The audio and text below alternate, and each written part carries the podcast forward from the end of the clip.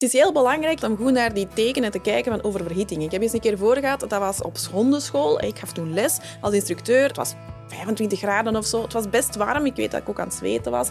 En uh, er kwam iemand met een Frans bulldogje naar de les. Maar het plein, dat is een groot grasveld waar dat echt gewoon ja, zon op staat. ook amper schaduw. Die honden moeten daar dan ook in werken en, en lopen of gaan liggen in die zon. En, en, ja, die hond die stond er al in de schaduw naast het plein te hijgen. Dat ik ook tegen die vrouw zei van, doe dat alsjeblieft niet.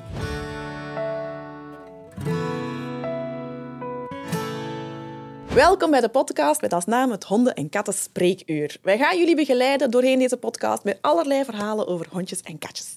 Ik ben zelf Lena, ik ben dierenarts. Ik hou enorm veel van hondjes en katten en paarden en alles wat dat, um, lief en schattig is, um, en zelfs vogeltjes. Ik heb zelf ook een hondje, dat noemt Una. Dat is een kleine terrier die mij al elf jaar um, ja, gelukkig maakt, echt waar.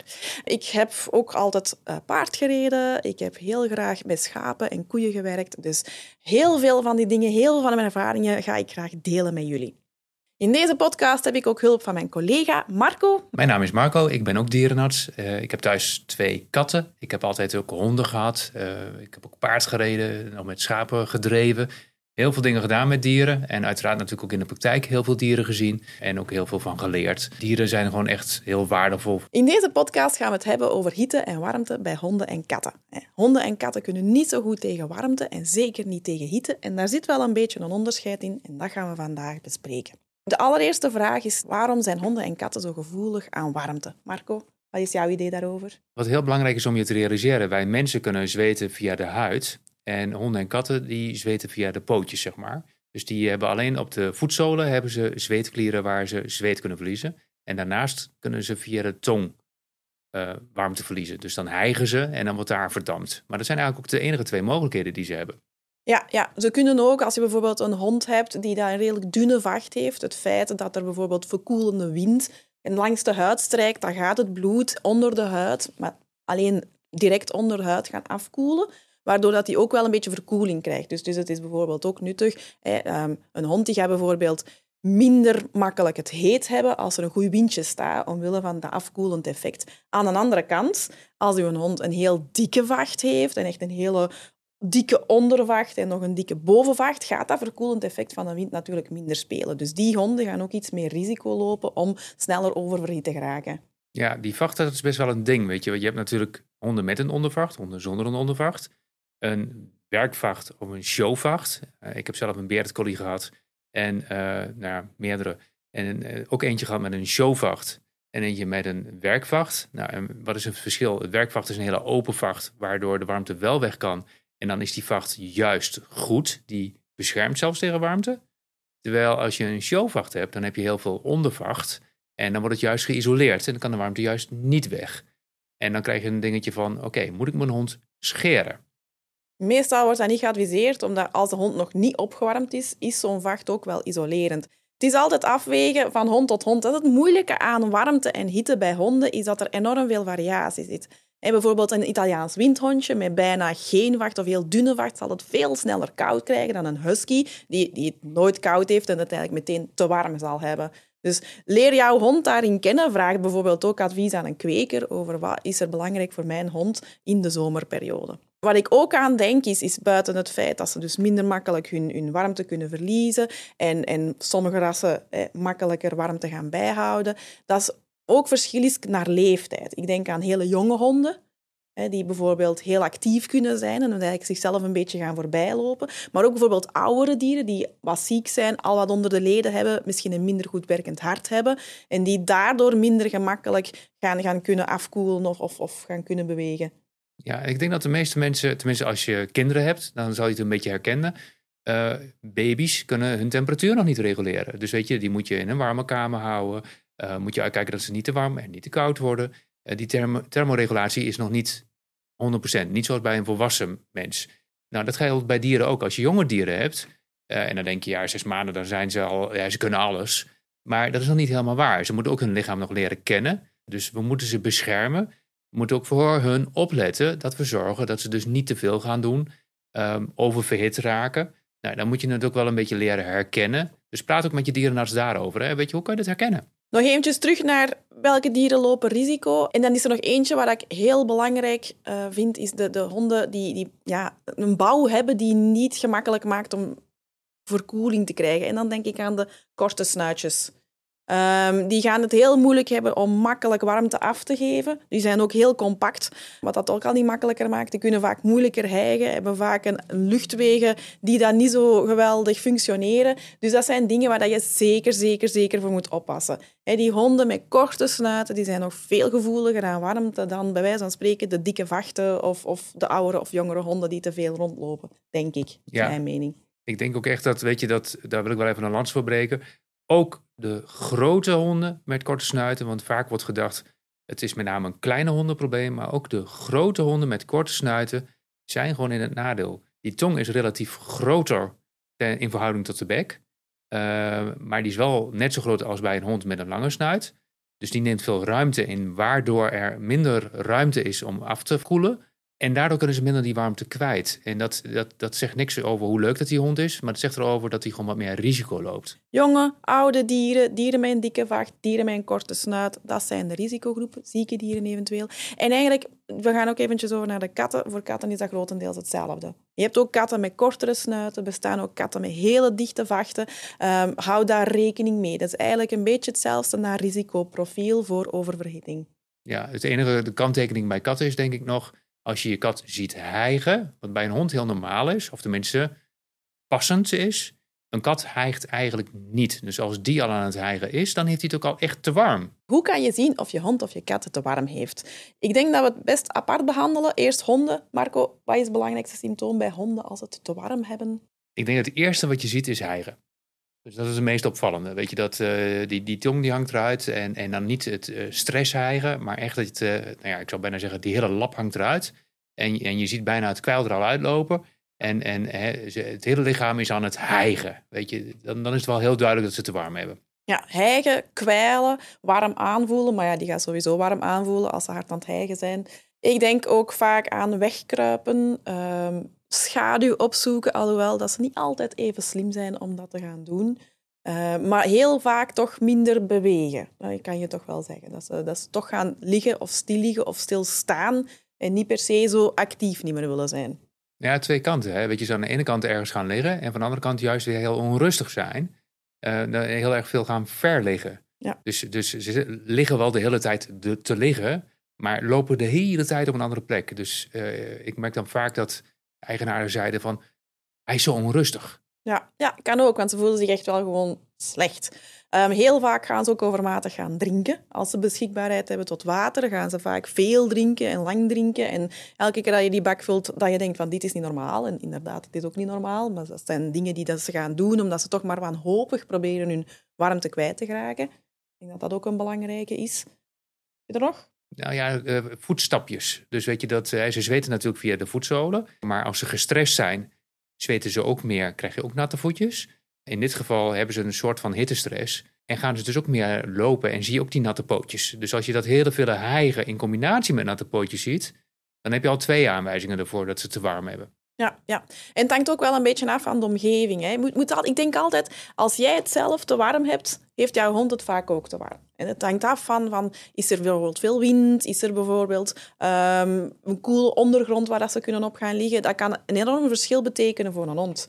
Ook bijvoorbeeld vochtigheid kan een groot verschil zijn, denk ik dan. Ja, weet je, als je in ons klimaat bent, hè, dus uh, Nederland, België, uh, kust of niet kust, maakt niet zo heel veel uit. Maar we hebben het ongelooflijk vochtig hier. De luchtvochtigheid is heel erg hoog. Dus wij kunnen ook moeilijker de warmte kwijt. Dus voor onze dieren is het dan ook moeilijk.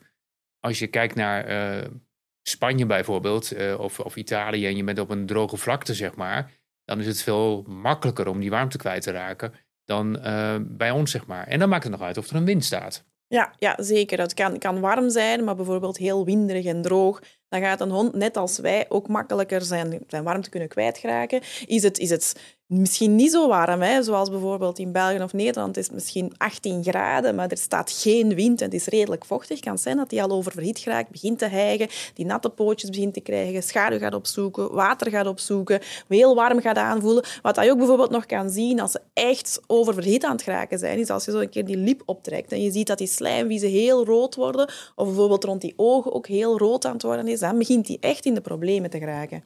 Ja, en een stapje verder, en dat, dat, dat mag je hopen dat dat niet gebeurt. Maar als je een blauwe tong ziet, dan is het eigenlijk te ver, maar dan moet je heel snel naar een dierenarts. Ja, dan moet je meteen naar de dierenarts. Ja, want dan is het niet meer genoeg om te zeggen van oké, ik ga de ventilator erop zetten. Ehm, weet je, dat is dan niet meer genoeg. Dan moet je echt naar de dierenarts toe. Dan moet die hond geholpen worden, want dan moet die ademweg vrijgemaakt worden en gezorgd worden dat hij blijft ademen. Ja, en hetzelfde ook bijvoorbeeld als je geen blauwe tong ziet, maar je ziet dat die hond ergens gaat liggen en niet meer begint te reageren op jou. Helemaal hetzelfde. Dus als je eerst hebt je gezien, onrustheid. Als je ja, de hond hebt zien raar doen en je denkt, ja, maar hij gaat rustig liggen, ga daar dan ook eens naartoe en zie of dat hij nog reageert. Want het kan zijn dat hij daar gewoon ligt ja, suf te worden en, en te heet krijgt en daardoor eigenlijk wegdraait. Hè, zoals dat wij ook soms doen. En dan is ook weer de bedoeling dat je zo snel mogelijk naar de dierenarts gaat. Ja, en dan vind ik nog wel een verschil dat je hond gaat liggen ehm, en blijft hijgen. Want dat is raar. Ja, maar het mag wat tijd vragen. Want een hond die wat oververhit is en gaat liggen, die zal nog wel een half uurtje aan het hijgen zijn terwijl dat die ligt. Ja, dan is hij ook al wel behoorlijk oververhit. Ja, ja, ja. ja, ja. maar het is niet omdat hij hijgt dat het meteen slecht nee, is. Nee, nee, nee, nee, nee. Maar je moet inderdaad alles in toog houden. Ja. Dat is zo zeker. Dus Let op als je hond heel veel gaat hijgen. Let op als hij heel veel gaat kwijlen, als hij onrustig is of net helemaal niet onrustig. Dat zijn de belangrijke zaken. Um, voor katten, denk ik, is het volledig hetzelfde. Met het verschil dat inderdaad hijgen altijd een probleem is. Ja, maar dan durf ik wel te zeggen dat als een kat hijgt en er komt zelfs nog kwijl bij, dan moet je echt gewoon heel snel naar de dierenarts. Ja. En ook heel belangrijk bij katten is als het zo'n warme dag is, en zeker een warme, vochtige dag, als je weet dat ik heb het zelf moeilijk, mijn kat gaat het ook moeilijk krijgen, um, ga ze zoeken. Heel veel katten gaan zich verstoppen, gaan zich wegsteken, gaan inderdaad ook heel slim coole plekjes opzoeken. Dat allemaal perfect oké. Maar het kan ook zijn dat ze gewoon ergens liggen en het daar heel erg moeilijk hebben. En ze gaan daarvoor niet per se naar huis komen. Dus ga die zoeken, ga checken of jouw kat het inderdaad goed heeft, of dat ze een goed plekje gevonden heeft om tegen die warmte te kunnen ja, en die plek kunnen vinden. Hè? Want tegenwoordig hebben we natuurlijk heel veel huizen met heel veel ramen. Dan hebben we natuurlijk helemaal uh, hoog rendementglas en uh, eh, 3 plus. Allemaal hartstikke mooi. Maar de zonnewarmte die komt naar binnen en warmt het op. En als je dier dat niet uit de weg kan, dan warmt je dier gewoon op. En zeker als je daar die kortsnuitige katten hebt, dan is dat echt heel zwaar en moeilijk voor ze. Ja, ja, je hebt ook een groot verschil tussen een binnen- of een buitenkat bijvoorbeeld. Een binnenkat, ja, als het voor jou niet aangenaam is binnen, dan, dan is het voor de kat ook niet aangenaam binnen. Nog niet iedereen heeft airco en dergelijke, maar soms kan het echt nuttig zijn voor een binnenkat om zoiets in huis te halen.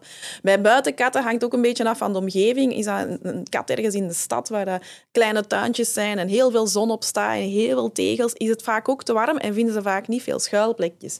Een kat op de boeren buiten, die vindt altijd wel ergens een stal of een schuur waar het wel koel genoeg is. Dus daar heb je je vaak minder problemen met katten die echt stress krijgen door de hitte. Ja, en houd het water in de gaten, weet je, want ze gaan wat meer drinken op zo'n moment. Dus dat ze ook toegang hebben tot water.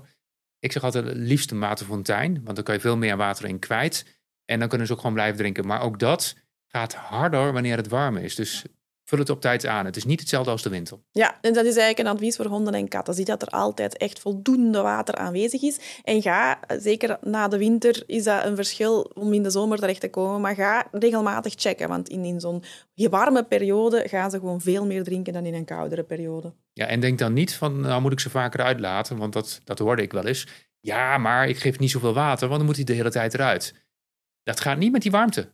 Dan mag, je, dan mag je echt niet zo denken. Je moet echt dat water aanbieden. Goed, dat zijn de symptomen. Dus wat zie je? Hijgen, wegkruipen of eventueel te onrustig zijn, zowel bij honden en katten.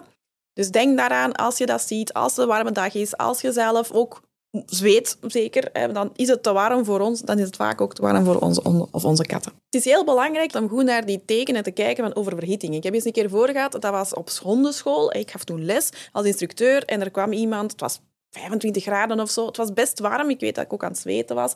En uh, er kwam iemand met een Frans buldogje naar de les. Maar het plein, dat is een groot grasveld waar dat echt gewoon ja, zon op staat. Ook amper schaduw. Die honden moeten daar dan ook in werken en, en lopen of gaan liggen in die zon. Um, en, en, ja, die hond die stond er al in de schaduw naast het plein te hijgen. Dat ik ook tegen die vrouw zei van, doe dat alsjeblieft niet. Want die hond die gaat hier op het plein zich niet goed voelen. Jij wilt daar iets van gedaan krijgen, jij wilt daar oefeningetjes mee doen, maar dat gaat niet met een hond die dat zich slecht gaat voelen. Plus, je loopt het risico inderdaad dat hij in de loop van de training oververhit gaat geraken, omdat hij gewoon geen schaduwplaatsen en geen afkoeling krijgt.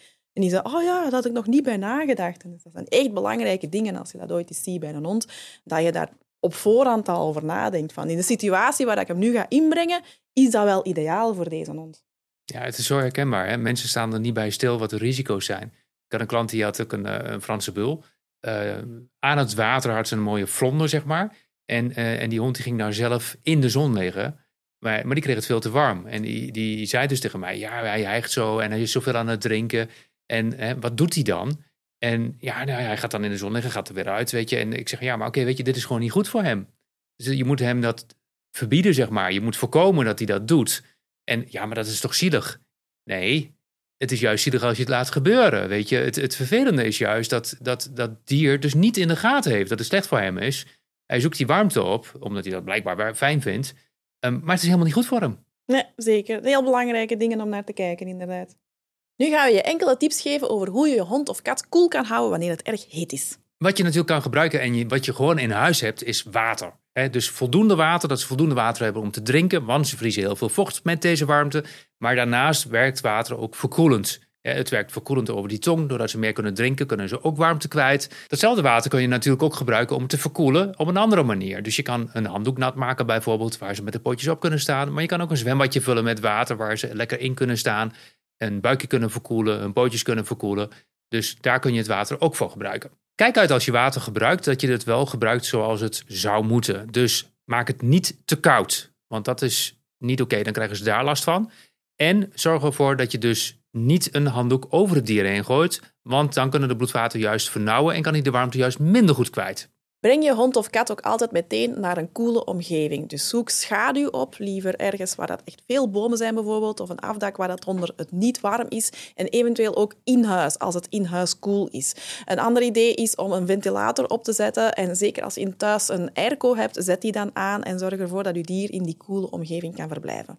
Er zijn ook nog koelmatten en handdoeken, maar blijkbaar doen Nederlanders daar soms iets raar mee. Marco? Handdoeken en koelmatten zijn ingewikkeld. Waarom? Voordat je het weet, gaan we het wikkelen. We draaien het eromheen. We doen de banden omheen. Dat het goed blijft zitten. Dus dat onze honden er ook mee kunnen rondlopen. Niet gewoon inpakken in een handdoek. Of... Inpakken en wegwezen. En in een koelmat. Ja, absoluut. Oh, maar dat is echt niet de bedoeling. Je wilt eigenlijk alleen maar die voeten gaan verkoelen. Niet heel dat lijf. Dat is eigenlijk tegen aangewezen. Hoe moet je het wel gebruiken? Op de grond leggen. Dat ze met de potjes erop kunnen. Eventueel erop kunnen liggen. Niet te koud. En zo koelen. Denk ook altijd aan de ondergrond. Het is heel belangrijk dat de ondergrond koel is voor jouw hond. Um, en zeker, uh, ik denk dan aan uh, buiten, asfalt, uh, kunstgras, um, natuursteen kan heel, heel heet worden. En ze kunnen niet alleen opwarmen daarvan, maar ze kunnen ook echt hun pootjes gaan verbranden daardoor. Goeie tip daarvoor is, trek je schoenen en je kousen uit en test het eerst zelf eens uit. Kan jij daar even op blijven staan, dan is het ook oké voor je hond. Die buik van die honden, kaal scheren, dat helpt ook. Als ze dan in een zwembadje stappen, dan kan het koele water er gelijk bij. Maar ze kunnen de warmte ook beter afvoeren. Dus los van dat ze dat bij de poten doen en op de tong, kan het ook wat beter weg. Let op, er zijn ook wat hondjes die heel dun in de vacht zijn, waardoor zon dus rechtstreeks op de huid komt. Zeker die ongepigmenteerde huid kan dus heel makkelijk verbranden. Er bestaat ook zonnebrandcrème speciaal voor honden. Bedankt voor het luisteren naar het Honden- en Katten Spreekuur. Marco, bedankt om er weer bij te zijn. En een dikke knuffel namens ons beiden voor al jullie huisdiertjes. En tot de volgende keer.